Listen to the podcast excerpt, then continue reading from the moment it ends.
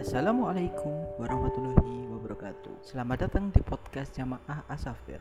Selamat mendengarkan. Nah, eh, sebelumnya eh, di sini kenapa saya memilih tentang peristiwa pertempuran eh, November sebagai eh, revolusi sosial? Eh, karena di sini kita melihat sesuatu yang disebut di, di balik sejarah itu sebenarnya tidak ada. Kalau secara konseptual di balik sejarah itu tidak ada karena peristiwa sejarah itu adalah di balik diri kita sendiri. Sejarah kita yang terlalu jauh dengan masa lalu yaitu sejarah. Sejarah kan di masa lalu. Mustahil kita pergi ke sana atau masa lalu itu sendiri uh, jauh. Jadi sebenarnya uh, sejarah itu memang sesuatu yang ada di balik kita. Gitu. Tidak ada yang rahasia di dalam sejarah karena memang dalam sejarah semuanya itu kerahasiaan. Dan manusia di masa depan saja di masa ini maksudnya itu uh, berusaha memahami uh, ya apa sedikit hal yang ditinggalkan dalam uh, sejarah tersebut. Selain itu juga kenapa saya uh, hanya menyebutkan kata pertempuran November karena sejatinya pertempuran itu tidak, tidak hanya terjadi di uh, tanggal 10 November atau bahkan tidak hanya terjadi uh, saat bulan November saja, namun sebelum sebelum bulan November seperti yang disebutkan oleh moderator tadi uh, sudah terjadi banyak pertempuran luar biasa dan uh, membawa pengaruh penting bagi sejarah Indonesia. Namun di sini saya akan mencoba melihat bahwa uh, suatu peristiwa sejarah itu tidak hanya sebagai hal yang kita peringati saja, tidak hanya mengandung uh, nilai monumental atau mengandung nilai uh, yang saya katakan maknawi, kita harus meneladani dan sebagainya.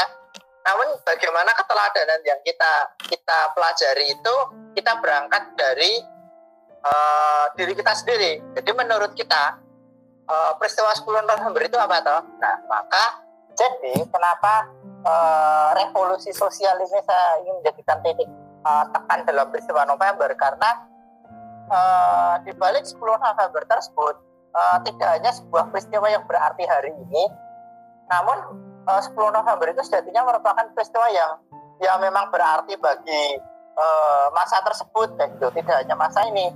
Uh, pada kurun waktu 1945 sampai 1950, dampak dari 10 November itu masih dirasakan sebagai sebuah peristiwa. Karena uh, peristiwa 10 November itu terjadi secara luas, tidak hanya uh, dapat kita batasi di uh, Yogyakarta saja. Hmm. Kita lanjutkan ya. Uh, pertama untuk mengambil uh, istilah revolusi, saya berangkat dari kata-katanya Mbah Karl Marx ya. Revolusi merupakan jalan bagi kelas pekerja dalamnya rakyat bawah dan bangsa-bangsa untuk menuju pada dunia baru. Nah, kata dunia baru ini boleh kita maknai sebagai kebebasan, kemerdekaan, uh, melepaskan diri dari kolonialisme dan sebagainya. Pada dasarnya revolusi tidak pernah gagal. Memang tidak pernah gagal, namun uh, maknanya akan segera hilang makna dari revolusi tersebut jika anak mereka melupakannya. Jadi uh, kita ini produk dari sebuah revolusi sosial, uh, yaitu kemerdekaan atau yang baru kita rasakan uh, itu seperti uh, reformasi dan sebagainya tetapi uh, meskipun kita ini produk dari sebuah revolusi sosial, kita bisa membuang makna revolusi itu kalau kita sudah melupakannya kayak gitu. Dan uh, diskusi kita hari ini adalah bagaimana kita untuk tidak melupakan sebuah peristiwa sosial yang turut uh, menjadikan uh, keberadaan kita ini uh, apa ya apa ya semakin eksis lah. Uh, yang pertama keadaan setelah Perang Dunia Kedua. Uh, dalam hal ini keadaan Asia setelah Perang Dunia Kedua.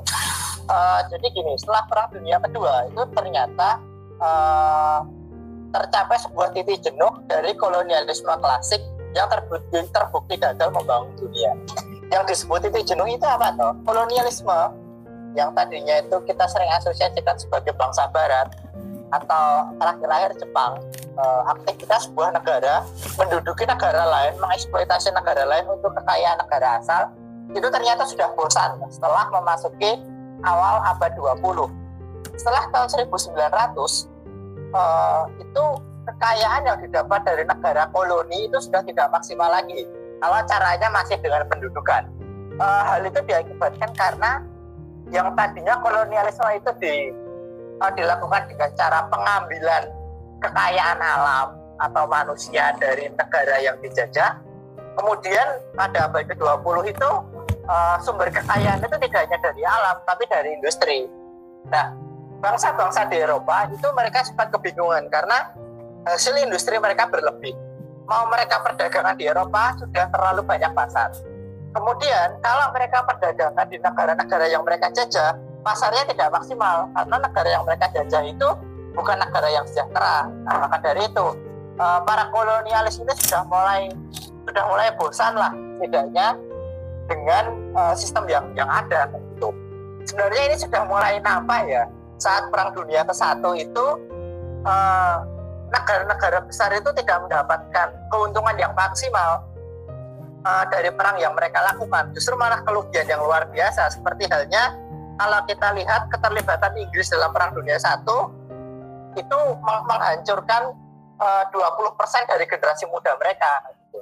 dan biaya yang sangat luar biasa bahkan kerugian perang dunia satu itu lebih besar daripada kerugian perang dunia kedua kayak gitu harusnya kalau Inggris mau nyerang negara koloni saja mungkin uh, kerugiannya itu tidak tidak sebesar sebesar itu gitu. bahkan perang dunia satu itu menghancurkan tatanan Eropa atau seperti hancurnya kekaisaran Tsar atau hancurnya Turki ya uh, yang itu juga berpengaruh cukup signifikan bagi bagi Eropa. Jadi ternyata perang dunia satu itu merugikan dan perang dunia kedua perang dunia kedua itu lebih merugikan lagi. Maka maka mereka jenuh setelah perang dunia kedua. Terus kemudian yang selanjutnya uh, berakhirnya perang sebagai titik yang tidak direncanakan dengan baik oleh kedua belah pihak. Nah, berbeda dengan perang dunia ke satu yang di mana kalau kita tahu ada perjanjian Versailles ya yang di mana mengakibatkan Jepang itu Jepang. Jerman itu uh, menjadi negara yang uh, yang banyak dirugikan oleh sekutu-sekutunya, Polandia lepas dan sebagainya kayak gitu. Dan hasil dari perang dunia satu itu nampak loh, yang yang kalah itu rugi banget, yang menang itu rugi banget kayak gitu. Tapi berbeda dengan perang dunia dua, yang kalah itu nggak seberapa rugi, meskipun Jepang itu dilucuti senjatanya, tapi Jepang is okay, dia tidak kehilangan wilayahnya kayak gitu Jerman itu juga dilucuti senjatanya, tapi dia tidak kehilangan wilayahnya juga. Bangsa Jerman sebagai sebuah bangsa tetap utuh, toh, nah, gitu. Berbeda dengan Perang Dunia Satu. Maka bisa kita katakan kalau ya Perang Dunia Kedua ini eh, apa ya tidak terlalu dirasakan lah dampaknya untuk tataran teoritis. Kemudian yang selanjutnya kembalinya pada distribusi kekuasaan, kekuasaan dari multipolar ke bipolar. Bipolar itu uh, ya dikuasai hanya hanya apa beberapa, hanya dua negara saja atau beberapa negara yang besar berbeda dengan multipolar yang banyak kayak gitu.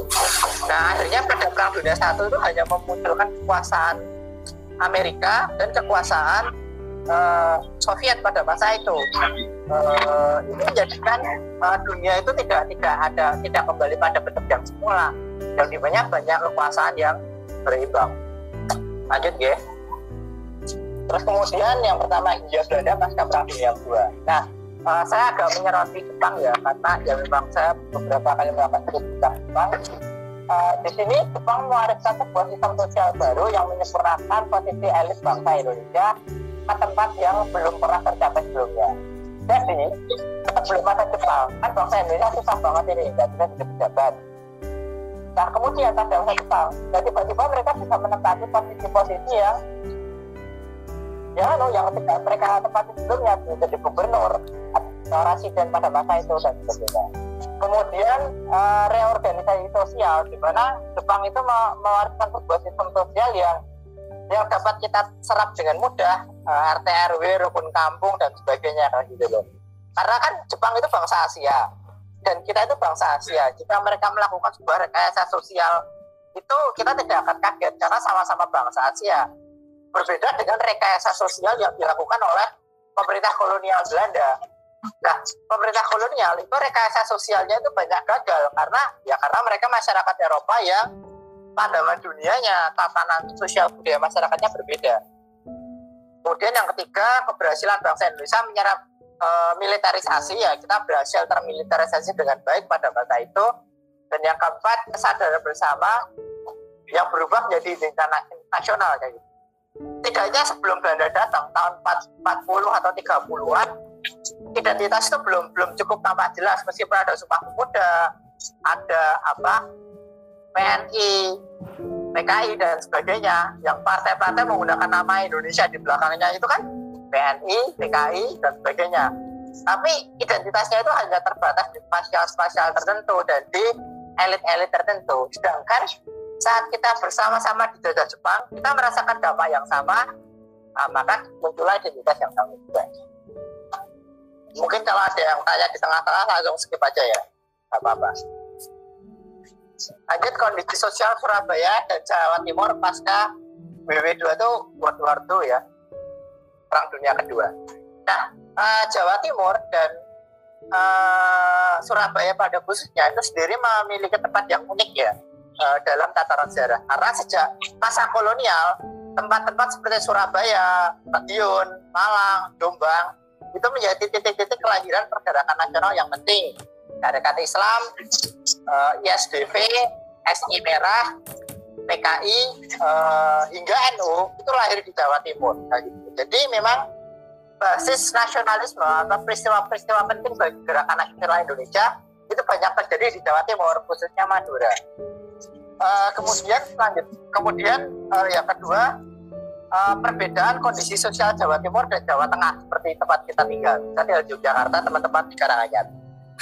Uh, di Jawa Timur itu sistemnya tidak post London, tidak tanah kerajaan, tapi elit-elit uh, priai para bupatinya itu berdiri sendiri, kemudian yang ikut saja sama pemerintah kolonial. Sehingga berbeda dengan kita yang di Fosun London wilayah kita kan Fosun London ya Yogyakarta dan Surakarta uh, antara pemerintah kolonial dan raja dan rakyat itu ada hubungannya yang erat kayak gitu loh yang jelas kayak gitu loh jadi kenapa kalau kita bisa tunduk sama pemerintah kolonial? Karena raja kita juga tunduk kayak gitu. Dan sebaliknya. Nah berbeda di Jawa Timur yang di sana tidak ada raja hubungan antara masyarakat dan pemerintah kolonial itu jauh lebih lebih abstrak sehingga para elit prianya pun tidak tidak memiliki kedekatan dengan pemerintah kolonial sedekat raja-raja kita yang di Yogyakarta dan Surakarta. Nah kerenggangan ini juga yang menjadikan kebencian terhadap kolonialisme itu lebih mudah dibentuk. Selanjutnya yang ketiga tentang uh, peran ulama dan agamawan uh, maka posisi sosial penting di Jawa Timur karena memiliki basis masa yang kuat. Nah, berbeda dari Jawa Tengah, Jawa Timur itu kan uh, sistem sosialnya kan ada rakyat biasa, petani, kemudian atasnya itu uh, para para priai, kemudian raja dan pemerintah kolonial. Kalau di Jawa Tengah itu kan, eh, di Jawa Timur itu nggak ada kan gitu. Sebuah masyarakat itu bisa hidup tanpa adanya priai, misalkan dia hidup di desa-desa pesantren, yang mimpin adalah kiainya, bukan para bangsawannya. Gitu sehingga uh, apa ya uh, kedekatan masyarakat dengan lingkungannya itu dibangunnya bukan oleh para penjajah tapi oleh dirinya sendiri yaitu oleh para ulama dan agamawan. Nah kalau di Jawa Tengah di kawasan kita di kawasan London kan sehebat apa pun ulama dia tetap di bawah raja toh. Nah ini yang menjadikan Jawa Timur itu cukup unik. Uh, kita ngomongin kronologi dikit-dikit ya dan kita bedah satu persatu. Yang pertama uh, pada Agustus 1945 itu sudah ada uh, perjanjian antara pemerintah pendudukan uh, Asia yaitu dipimpin oleh Inggris dan Belanda uh, agar Belanda itu uh, kembali menguasai Hindia Belanda begitu. Nah, sebenarnya penguasaan kembali terhadap daerah terjajah itu hanya terjadi di Hindia Belanda kayak gitu loh pasca Perang Dunia Kedua. Kalau kita lihat India, terus kawasan Arab dan beberapa kawasan Afrika setelah Perang Dunia Kedua itu berhasil uh, dilepaskan oleh para penjajahnya kayak gitu loh. Inggris tidak lagi menguasai kawasan Afrika Selatan, terus Perancis juga udah mulai meninggalkan Sudan dan sebagainya. Tetapi di Asia Tenggara ini enggak gitu loh uh, karena Asia Tenggara ini masyarakatnya relatif tidak tidak terlalu reaksioner dengan penjajahan, maka mereka memandang pasca Perang Dunia Kedua mereka bisa oke-oke aja dong balik ke negara jajahannya kayak gitu loh. hal ini tidak hanya terjadi di Indonesia kan gitu loh. Di kawasan jajahan lain juga sama.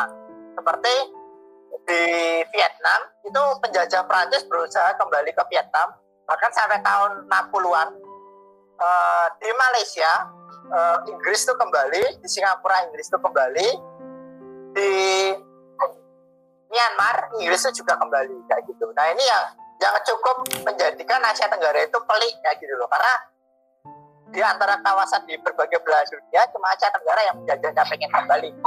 Padahal yang di Arab di Afrika itu enggak mereka enggak pengen kembali.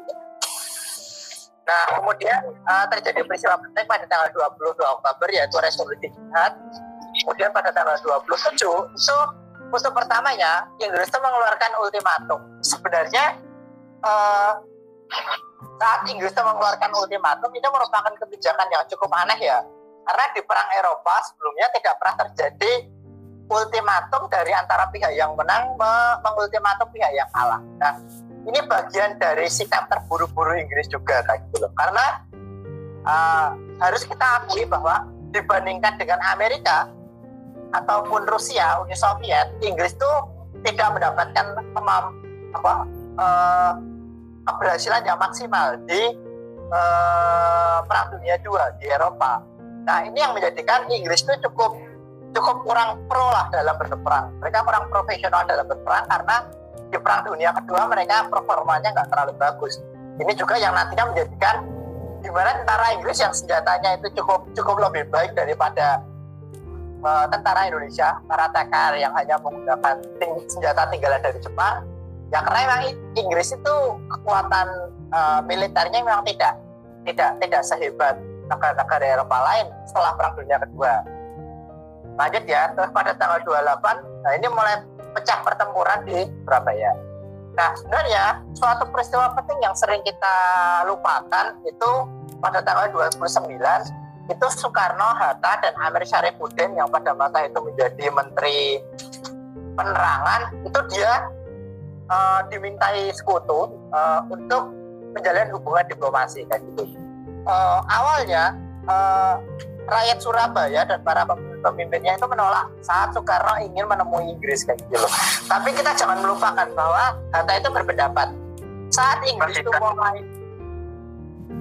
saat Inggris itu mau menemui kita, maksudnya mau menemui Soekarno, Hatta dan lain-lain sebagai wakil bangsa Indonesia, maka secara tidak langsung kan uh, ini bisa memberikan makna kalau uh, apa pemerintah Indonesia itu sebenarnya mereka akui sih cuma mereka aja yang jual mahal mau nggak eh, nggak uh, mengakui kita secara langsung baik itu toh saat mereka kesusahan di perang dunia dua mereka minta bantuan kita juga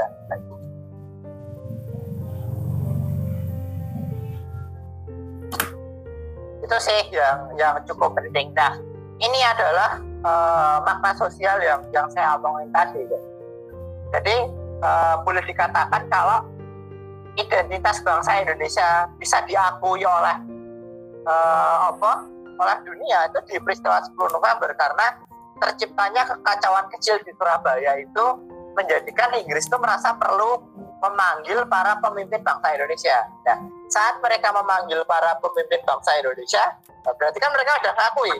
Jadi itu sih fakta sosial pertama yang kita dapatkan uh, saat kekacauan di Surabaya itu bisa bisa mengundang inisiatif dari pihak luar Inggris bahwa oh, bangsa Indonesia ini ada yang memimpin nih kita cari dong yang memimpin nah, uh, boleh dikatakan kalau uh, mulai munculnya eksistensi bangsa Indonesia di di tataran dunia itu terjadi pada 29 Oktober ini. Nah, uh, ada sebuah koran dari wartawan Amerika yang menyebutkan tentang peristiwa 29 Oktober ini di saat uh, wartawan ini nggak tahu kalau bangsa Indonesia itu sudah dipimpin oleh uh, pemerintah yang sah, kan gitu, dipimpin oleh Soekarno. Nah,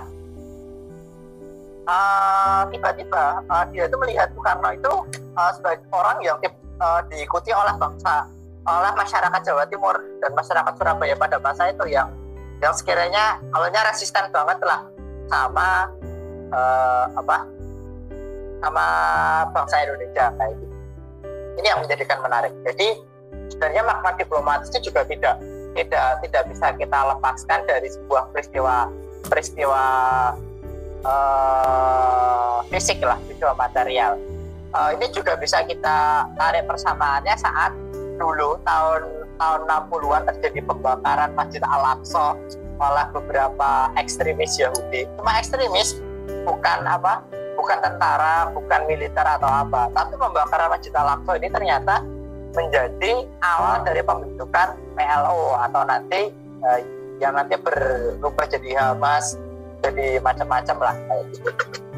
Nah kemudian pada tanggal 30 itu terjadi peristiwa penting ya pembunuhan AWS Malabi yang agak aneh ya. Sebenarnya Malabi itu tidak terlalu penting bagi Inggris kayak gitu loh.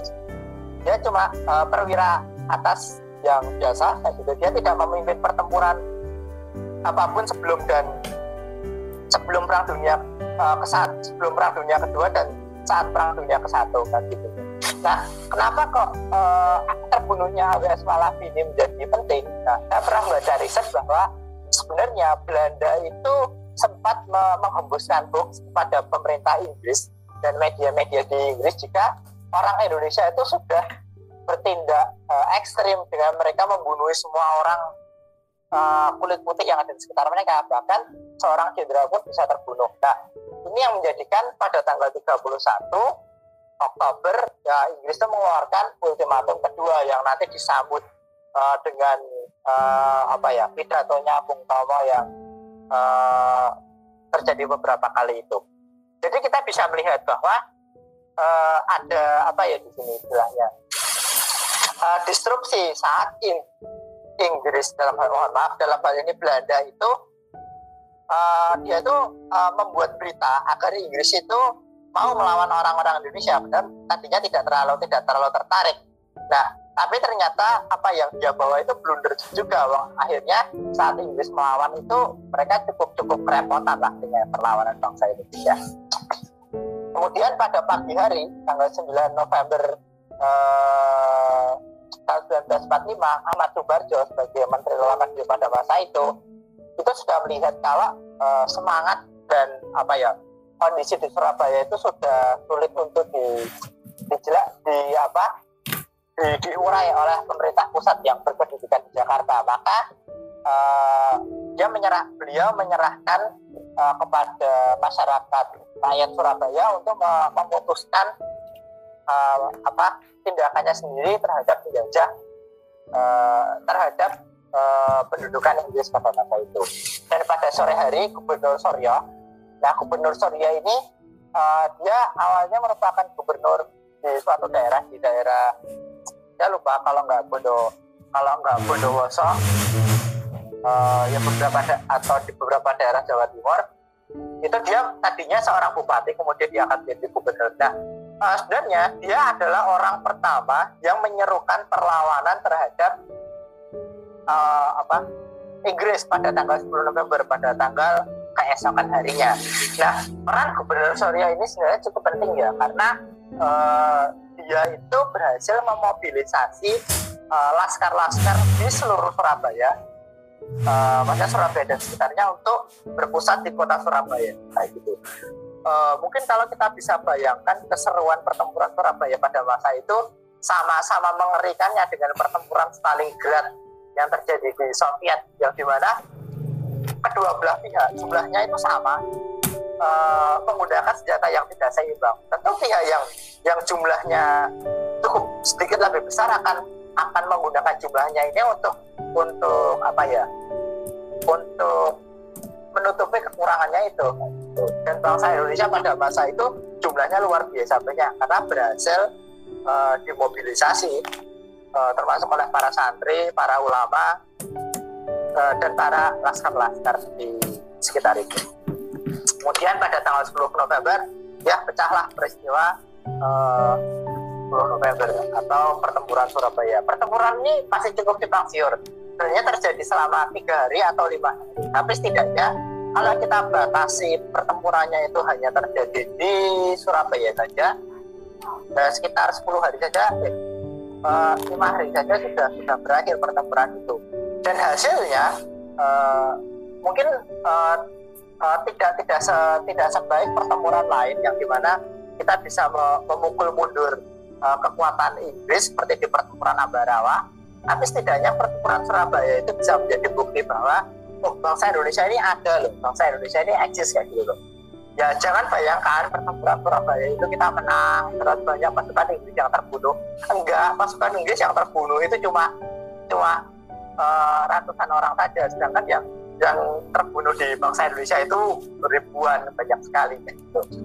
Uh, tapi uh, tentu kita uh, tidak hanya melihat dari aspek itu, tapi kita harus melihat dari aspek fakta di mana uh, masyarakat Surabaya itu setelah diberi kesempatan untuk menentukan pilihannya sendiri, mereka bisa bisa menciptakan apa bisa membuktikan bahwa pilihan mereka itu benar dan uh, mereka bertanggung jawab dengan luar biasa dengan uh, pilihan mereka tersebut gitu. Nah, uh, kalau kita lihat dalam tinjauan sejarah militer, sebenarnya uh, kekalahan dalam tanda kutip ya, kekalahan atau kerugian yang cukup besar yang ditimbulkan oleh uh, Inggris kepada kita dalam pertempuran itu tuh menjadi menjadi pelajaran berharga karena selanjutnya pemerintah Indonesia itu meresmikan berdirinya tentara keamanan rakyat yang di mana uh, hal ini di, di, dilakukan atas kesadaran, kesadaran kalau kita itu nggak bisa loh bertempur secara brutal seperti peristiwa 10 November. Uh, pertempuran-pertempuran kita harus sistematis, harus terorganisir agar uh, kemenangan yang dicapai itu bisa maksimal kayak gitu. Uh, dan ada sebuah penelitian uh, dalam buku kronik kronik 10 November Surabaya yang di mana ternyata peristiwa 10 November itu menghasilkan alumni-alumni atau veteran-veteran perang yang nanti para veteran perang 10 November ini akan menjadi orang yang uh, berperan penting dalam banyak pertempuran seperti pertempuran uh, apa di Semarang, pertempuran merebut kota Yogyakarta atau pertempuran Yogyakarta kembali uh, serangan 1 Maret ya. Itu ternyata para pejuang Surabaya itu banyak yang setelah mereka menjadi tentara formal banyak menjadi orang-orang yang penting terlibat di pertempuran uh, setelahnya. Nah ini diakibatkan karena modal emosional mereka sudah uh, sudah luar biasa kuat kayak gitu. Nah lanjut ya ini pembahasan terakhir tentang pertempuran uh, dalam analisis revolusi sosial. Yang pertama kita lihat bahwa uh, keberhasilan dalam tercapainya pertempuran Surabaya tercapainya loh bukan kemenangan pertempuran Surabaya merupakan ekstraksi dari kematangan nasionalisme dan gerakan revolusi di Jawa Timur pada kayak gitu. Kenapa pertempuran di Jawa Timur itu lebih besar daripada di Semarang dan lebih besar daripada di Bandung dan di tempat lain? Ya bukan maksud saya mengecilkan yang daerah lain ya, tapi pada pada kenyataannya memang pertempuran itu cukup besar. Nah ini merupakan uh, apa ya buah dari uh, nasionalisme atau semangat anti kolonialisme juga yang sudah sudah dibangun sejak lama oleh masyarakat uh, Jawa Timur kayak gitu khususnya Surabaya. Kemudian yang kedua kemandirian rakyat dalam menggerakkan revolusinya sendiri tanpa kepemimpinan sentralistik kayak gitu. Nah eh, tanpa kepemimpinan sentralistik itu nggak ada loh tokoh utama yang di mana dia itu panglima besar eh, apa pertempuran? Enggak. Bahkan Bung Tomo sendiri pun pada pertempuran itu tuh nggak nggak sepopuler nggak sepopuler bayangan kita sekarang kayak gitu. Yang mengetahui Bung Karno itu hanya hanya orang-orang yang memang dia itu ingin mendengarkannya gitu loh. Yang tidak ingin mendengarkannya dan e, turut dalam pertempuran ya tetap tetap perang saja kayak gitu. Nah ini kalau kita lihat di e, gerakan aksi sekarang aksi mahasiswa itu kan kita nampak ya setidaknya e, mulai tahun 2000 akhir tahun 2019 demonstrasi demonstrasi mahasiswa itu kan sudah tidak mengandalkan tokoh ketua ini, ketua itu dan sebagainya kayak gitu. Uh, di sisi lain, aksi-aksi ini menjadi suatu gerakan yang sulit untuk di, di, dicegah kayak gitu loh. Meskipun juga mudah berakhir karena tidak ada tokoh yang cukup mengikat mereka. Kemudian yang ketiga maksudnya bersifat gerakan massa kayak gitu. Sehingga konsekuensi dari gerakan tersebut bersifat parsial uh, memang setelah pertempuran Surabaya itu tidak ada pertempuran-pertempuran besar lain tangan kedua, ketiga dan sebagainya nggak ada nah itu. nah itu adalah konsekuensi dari gerakan massa tapi sebenarnya uh, konsekuensi dari gerakan massa ini dampaknya peristiwa 10 November itu terekam dalam memori banyak orang kayak gitu loh.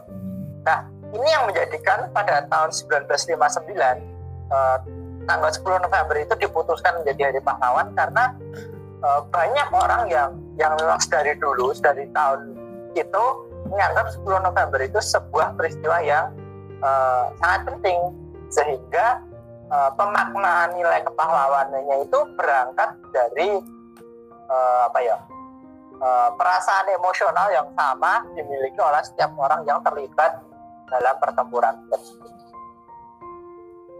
Nah, ini referensi yang saya gunakan. Eh, pertama Das Kapital, beberapa buku ya pendukung lah kayak gitu. Ah, mohon maaf karena saya tadi kecepatan dan memang seperti itu. Mungkin eh, bisa menyambung untuk diskusi. Apa mungkin ada yang punya pendapat lain? Kenapa kok saya tidak eh, me- menampakkan identitas Islam atau santrinya di mana dalam apa yang saya paparkan? Nah, ini mungkin bisa jadi bahan diskusi kita. Monggo saya kembalikan ke moderator.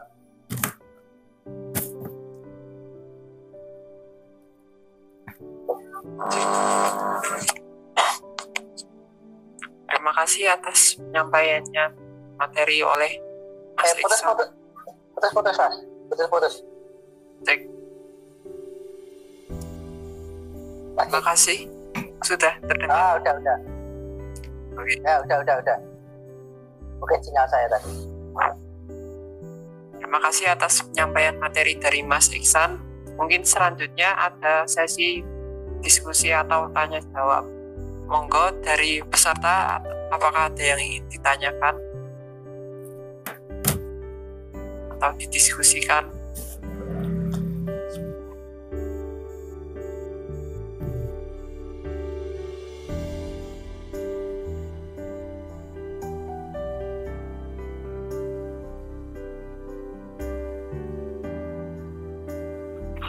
Izin bertanya Mas, Silakan Mas. Mas Isan mau bertanya. Be- belakangan ini kan juga diputuskan tanggal 22 Oktober itu kan tepat hampir tiga minggu ya sebelum eh, 10 November itu kan sebagai hari santri. Nah, eh, menurut beberapa referensi kan eh, tanggal 22 Oktober itu kan eh, bertepatan dengan diputuskannya resolusi jihad dari Kiai Haji Hasyim Asari kalau nggak salah dulu itu pimpinan Mas Umi ya Mas, Mas Umi yang lama apa MIAI? Ah, ah, MIAI ya, ya, Oh, MIAI. Nah itu kan membawai zaman dulu kan katanya membawai banyak eh, kelompok gerakan Islam. ya, kayak kalau Ya, sekarang itu kayak MUI-nya lah. Nah, nah dampak dari resolusi jihad itu yang diputuskan oleh MIAI terhadap gerakan masa di Jawa Timur itu bagaimana? Kan melihat juga Jawa Timur kan banyak sekali pesantren. Nah, seperti kalau Sumatera kan daerah pesisir kan agak agak mirip modelnya banyak sekali pesantren. Nah itu mungkin mungkin kan dampak dari itu ke gerakan masa dari pesantren itu bagaimana? Yang saya tanyakan itu terima kasih. Terima kasih Mas. Mana ya hmm, mengenai mengenai apa dampak dari resolusi jihad yang dicetuskan oleh Kiai Haji Masyar itu ya terhadap pesantren. Nah, eh, sebenarnya eh, malah saya ingin membicarakan tentang konstruksi hari santri yang kemarin dirayakan kayak gitu. Eh, dulu pernah baca draft akademiknya, tapi lupa saya cari di mana itu belum ketemu. Jadi sebenarnya di dalam draft akademik kenapa kok resolusi jihad itu dinamakan hari santri itu dari sekian hari yang kiranya bisa diketahui tanggalnya, bisa diketahui tahunnya itu cuma hari santri saja. Jadi akhirnya itu diputuskan mengenai pemilihan antara hari santri dan resolusi jihad sebenarnya ada ada gap sejarah yang cukup jauh kayak gitu loh. Kalau kalau kita mau serius eh, pantas gak tau ini hari santri kayak gitu karena konotasi santri kan aktivitas pembelajaran sementara resolusi jihad itu adalah respon sosial ngono gitu loh. Nah, agak jauh sebenarnya tapi di draft akademik itu sudah dijelaskan Eh, dan akhirnya pemerintah memilih eh, hari san hari santri itu diambil momennya saat resolusi jihad gitu. Nah, eh, yang menjadi menarik dalam resolusi jihad itu justru uh, di luar kaum santri yang biasanya kaum Islam apa kaum Islam di perkotaan itu cukup acuh dengan apa ya dengan sikap-sikap kaum santri. Eh, tiba-tiba saat resolusi jihad ini mereka turut mengabarkan dalam berbagai media yang mereka mereka punya kan gitu loh.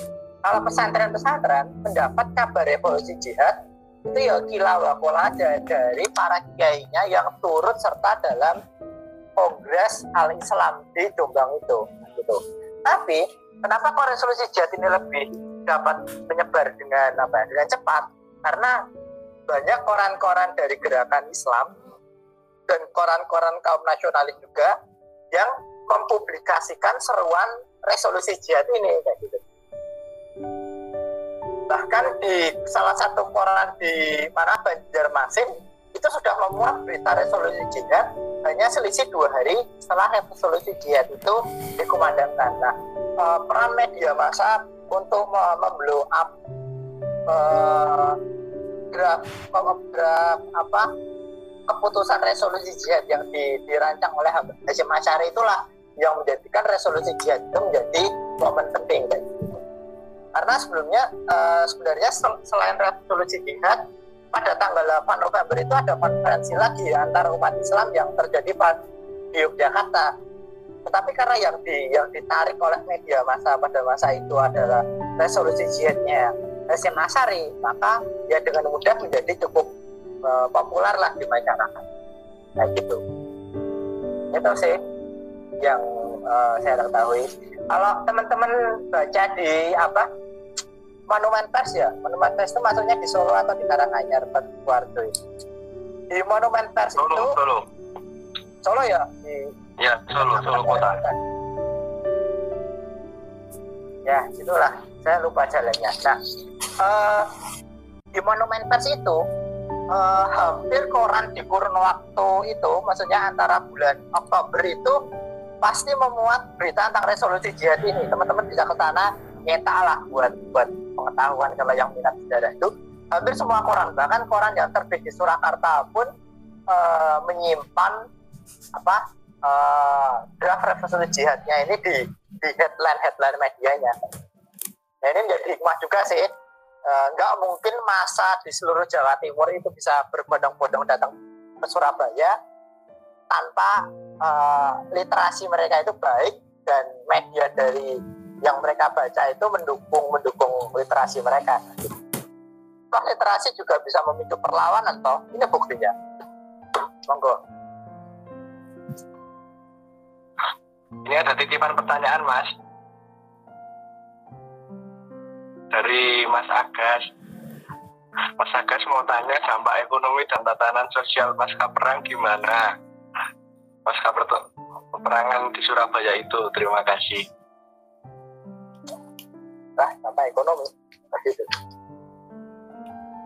Sebenarnya masalah ekonomi pasca perang itu jarang ya dibicarakan orang ya. Padahal uh, ekonomi pasca perang itu cukup cukup apa ya cukup penting juga uh, kita bicarakan uh, baru ada beberapa studi yang ngomongin dampak ekonomi pasca perang kayak gitu tapi ah, sebenarnya ekonomi pasca perang di Indonesia itu nggak seburuk itu loh kita nggak nggak uh, sampai kelaparan kekurangan makan enggak gitu loh. Karena penduduk kita kan basisnya kan di pedesaan. Sebenarnya mereka hidupnya itu cukup substitusi kayak gitu loh. Bahkan dengan ada atau tidak adanya negara pun kita tetap tetap bisa makan. Uh, kalau kita lihat uh, dari dari peristiwa setelahnya, justru uh, pada masa perang kemerdekaan setidaknya dari tahun kira ya tahun 45 sampai tahun 50 dampak perang pada ekonomi itu hanya terjadi di perkotaan saja, ekonomi hancur dan sebagainya hanya terjadi itu. Tapi di masyarakat pedesaan itu justru terjadi surplus kayak gitu, karena yang tadinya mereka harus menyerahkan atau mendistribusikan uh, hasil panennya ke kota juga uh, karena kotanya juga hancur akhirnya uh, distribusi pangannya mereka itu tertahan di desa ini dampaknya pada tahun 50 Indonesia itu pernah uh, swasembada uh, cukup lucu sih negara yang habis merdeka oh tiba-tiba swasembada uh, hingga mengirimkan 500 lima puluh ribu atau lima ratus ribu ton beras ke India kayak gitu tahun 50-an. Jadi bisa kita lihat bahwa pada tahun tersebut kita tuh malah di masyarakat pedesaan khususnya tanaman pokok padi itu terjadi surplus karena uh, uh, apa kekacauan itu menjadikan uh, turunnya turunnya konsumsi tapi produksinya itu tetap. Kayak mana sih. Itu sih mau perdalam anu mas? Pertanyaan yang perjawaban pertanyaan yang pertama tadi. Nah itu uh, kalau peran santri saat apa itu? Pertempuran di Surabaya itu gimana mas? Itu sudah banyak riset risetnya atau belum? Bisa sedikit dibantu jelaskan. Soalnya kalau melihat uh, apa itu sejarah dulu itu kan Indonesia sendiri kan dulu kan dari Hindu kan sudah bertransformasi hampir semua ke kerajaan-kerajaan Islam. Nah kemudian uh, yang model agama lain seperti Kristen itu kan maksudnya juga karena dibawa oleh penjajah Belanda. Nah tentu kan e, dari logika seperti itu kan dulu mayoritas itu kan umat Islam dan menurut beberapa pendapat orang itu kan juga e, banyak e, kontribusi ulama dalam tataran sosial. Nah itu peran santri dalam peperangan itu secara detailnya bagaimana bisa dibantu jelaskan Mas? Terima kasih. ini mungkin nyambung sama pertanyaan yang di chat ini ya Mas apa Agus Diansyah atau Rio Hamdani itu nah sebenarnya peran dari peran dari para santri di peristiwa uh, 10 November ya setidaknya dalam pertemuan Surabaya itu pasti ada dan tidak tidak dapat kita nafikan gitu uh, karena uh, pada akhir masa penjajahan Jepang umat Islam itu dapat posisi yang cukup unik lah kan.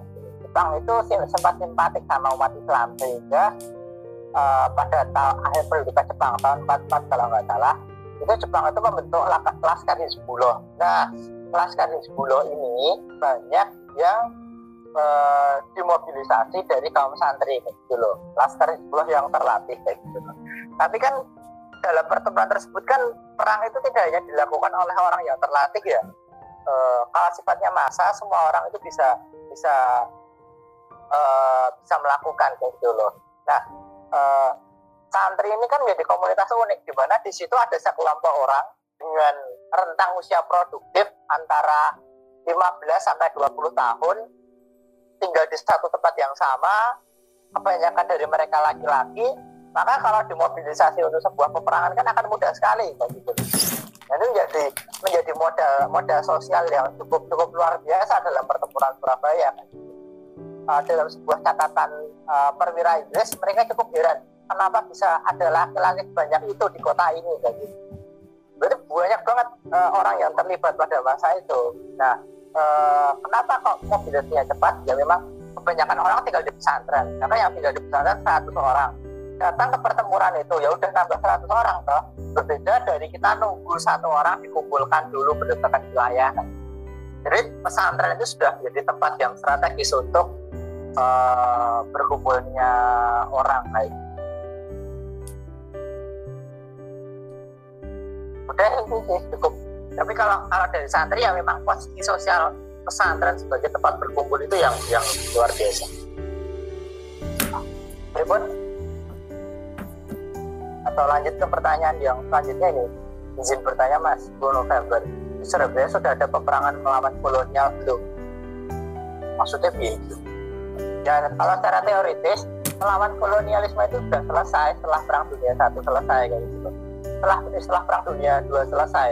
Nah selanjutnya eh, yang dilawan oleh kita kayak gitu itu adalah pemerintah pendudukan orang yang ingin menduduki negara kita.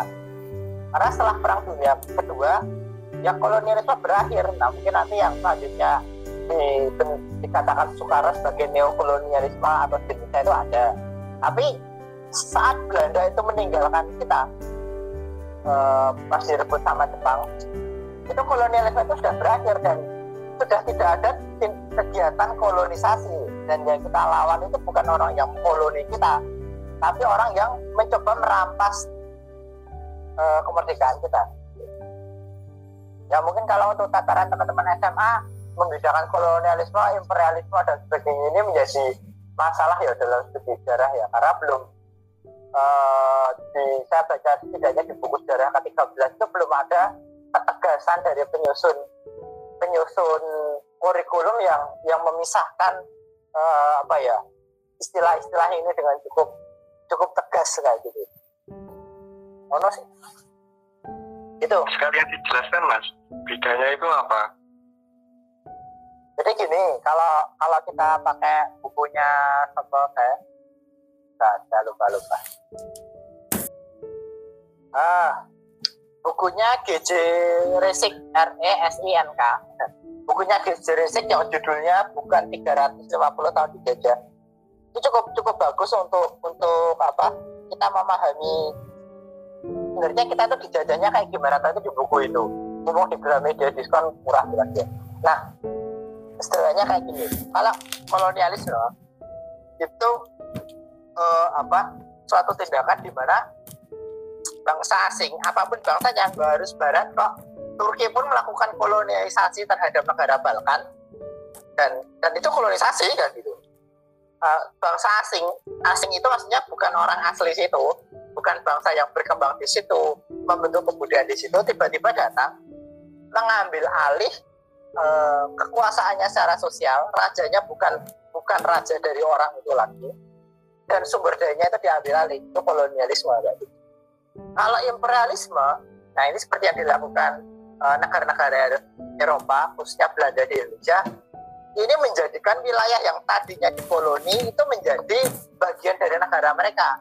Nah, uh, sebenarnya imperialisme ini memiliki dampak yang cukup cukup signifikan karena kalau mereka itu udah niat mengimperialis kita, ingin menjadikan kita itu menjadi bagian dari mereka, maka dari sisi lain mereka juga akan cukup bertanggung jawab terhadap kita kayak gitu. Cuma bertanggung jawabnya negatif kayak gitu misal mereka juga menerapkan tatanan sosial di sana dan tatanan sosial di sini kayak gitu. Ataupun eh, apa mereka juga juga memindahkan nilai-nilai mereka di sini kayak gitu saat orang-orang barat itu menganggap orang-orang barat Eropa ya orang-orang Eropa itu menilai kalau orang Indonesia itu tidak produktif petani pribumi itu malas, orang Indonesia itu tidak terampil, terus kita jadi suka jadi PNS itu sebenarnya keberhasilan dari imperialisme saat uh, kan di Eropa kan pertanian nggak nggak maju dan bukan menjadi tumpuan utama atau tumpuan utama mereka birokrasi,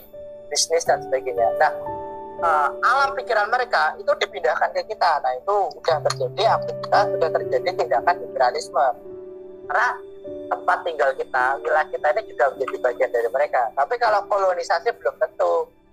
Ya cuma diduduki aja. Yang penting mendapat keuntungan udah. Itu sih. Ini juga nggak cuma terjadi di Belanda loh kalau kolonialis kolonisasi. Kalau kita lihat uh, Turki, oh, Turki, kawasan Balkan, kawasan Balkan itu Eropa, Eropa, Eropa Timur itu banyak orangnya yang Islam ya itu karena keberhasilan kolonisasi dan imperialisme Turki yang di mana nilai-nilai keturkian itu bisa bisa ditanamkan entah secara bangsa entah enggak ke masyarakat sehingga mereka memiliki nilai yang sama dengan negara yang yang menguasai mereka, mengkolonisasi mereka. Kayak gitu. Oh ya Mas ya, ada titipan pertanyaan lagi. Waduh, Coba mas. Bukunya Gigi Racing. Nah sebenarnya kalau dari dulu waktu SD kan ditanamkan di pelajaran sejarah dulu itu kita menderita dijajah selama 350 tahun. Tapi kan faktanya tiap daerah beda-beda. Oh. Nah itu bisa sedikit diceritakan mas. Terima kasih.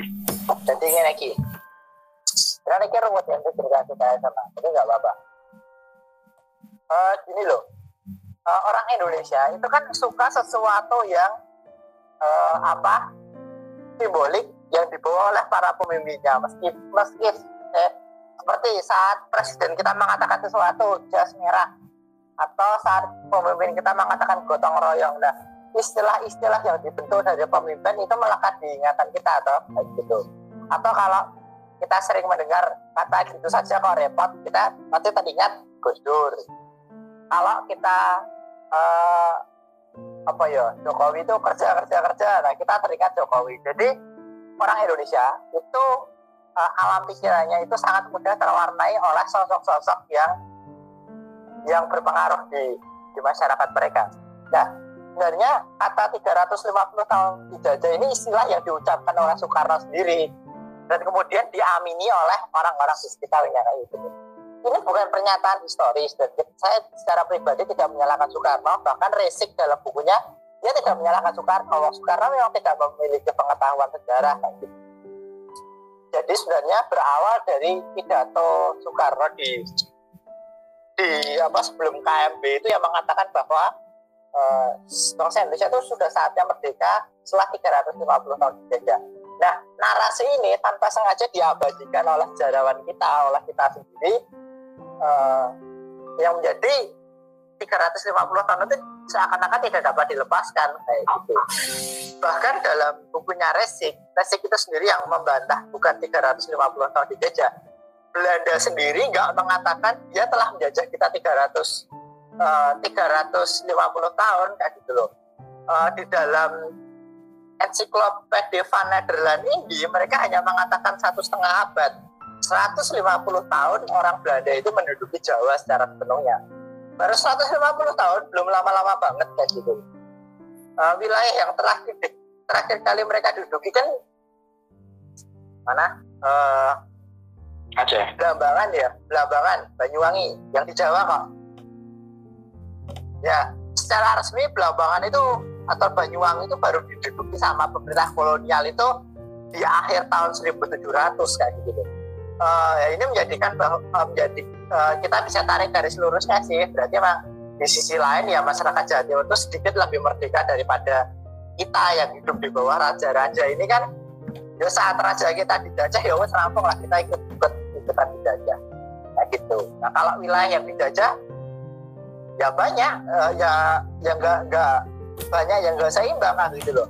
Seperti saat berdirinya Budi Utama, Budi Utama berdiri perang puputan di Bali itu baru selesai kayak gitu mereka mereka masih belum ada ide, ide nasionalisme kayak gitu. Saat uh, orang-orang haji-haji di tanah Jawa sudah ngomongin perlawanan terhadap kolonialisme di akhir tahun 1800 perang Aceh itu baru baru baru selesai kan gitu. Jadi emang nggak berimbang penjajahannya. Ya karena ya kita jangan terlalu mudah percaya atau sama sama idiom-idiom yang dibentuk oleh oleh siapa pun kalau itu bukan bidangnya. Nah termasuk kesalahan sejarah saat kita percaya 350 tahun dijajah ini kan dari ketidaksengajaan kita menerima begitu saja pendapat dari dari seseorang. Padahal seseorang itu bukan bukan pendapat ilmiah itu itu ada pertanyaan di kolom komentar mas. Oh bentar-bentar oke. Okay. dampak pertempuran Surabaya di daerah-daerah juga nasibnya di luar Jawa. Oh. Oh kalau dampaknya sih sebenarnya membangkitkan banyak banyak uh, semangat bangsa Indonesia untuk uh, untuk apa ya melakukan pertempuran ya atau untuk melawan kedatangan kolonialis pada masa itu. Tapi dampak yang cukup signifikan uh, Surabaya ini sering jadikan representatif agar daerah lain itu juga melawan kayak gitu. Salah satunya yang perlawanan uh, yang terjadi di uh, apa di Manado, di mana ada insiden bendera pada masa itu terkenal insiden bendera di Manado uh, dan beberapa pertempuran di sana. Nah, itu tuh terjadi uh, karena mereka terinspirasi dari Surabaya gitu. Nah, uh, bahkan di, di luar Jawa, khususnya di daerah Sumatera Utara yang mereka perlawanan juga ketol ya melawan apa? Melawan uh, kedatangan uh, kolonialis pada masa itu, narasi tentang pertempuran Surabaya ini dibentuk terus-terusan kayak gitu loh. Bahkan dampak yang cukup unik kayak gitu loh. Nah, para alumni dari pertempuran Surabaya ini kan nanti menyebar ke mana-mana. Setelah setelah kemerdekaan dicapai, setelah masa damai uh, dan mereka terjun dalam politik kayak gitu. Posisi mereka ex pertempuran Surabaya tuh, alumni alumni alumni pertempuran Surabaya ini membawa membawa posisi sosial penting kayak gitu. Jadi dianggapnya kalau orang yang pernah ikut dalam pertempuran Surabaya ini pasti orangnya teruji nih kayak gitu. Uh, dan banyak kok. Nah ini yang menjadikan kenapa kok setelah kemerdekaan pun banyak orang-orang Jawa yang justru menjadi pemimpin-pemimpin militer di kawasan luar Jawa ya karena nilai dari pertempuran Surabaya ini yang yang cukup. Terima kasih telah mendengarkan podcast Jamaah Asafir. Semoga hari kalian cerah dan indah. Wassalamualaikum warahmatullahi wabarakatuh.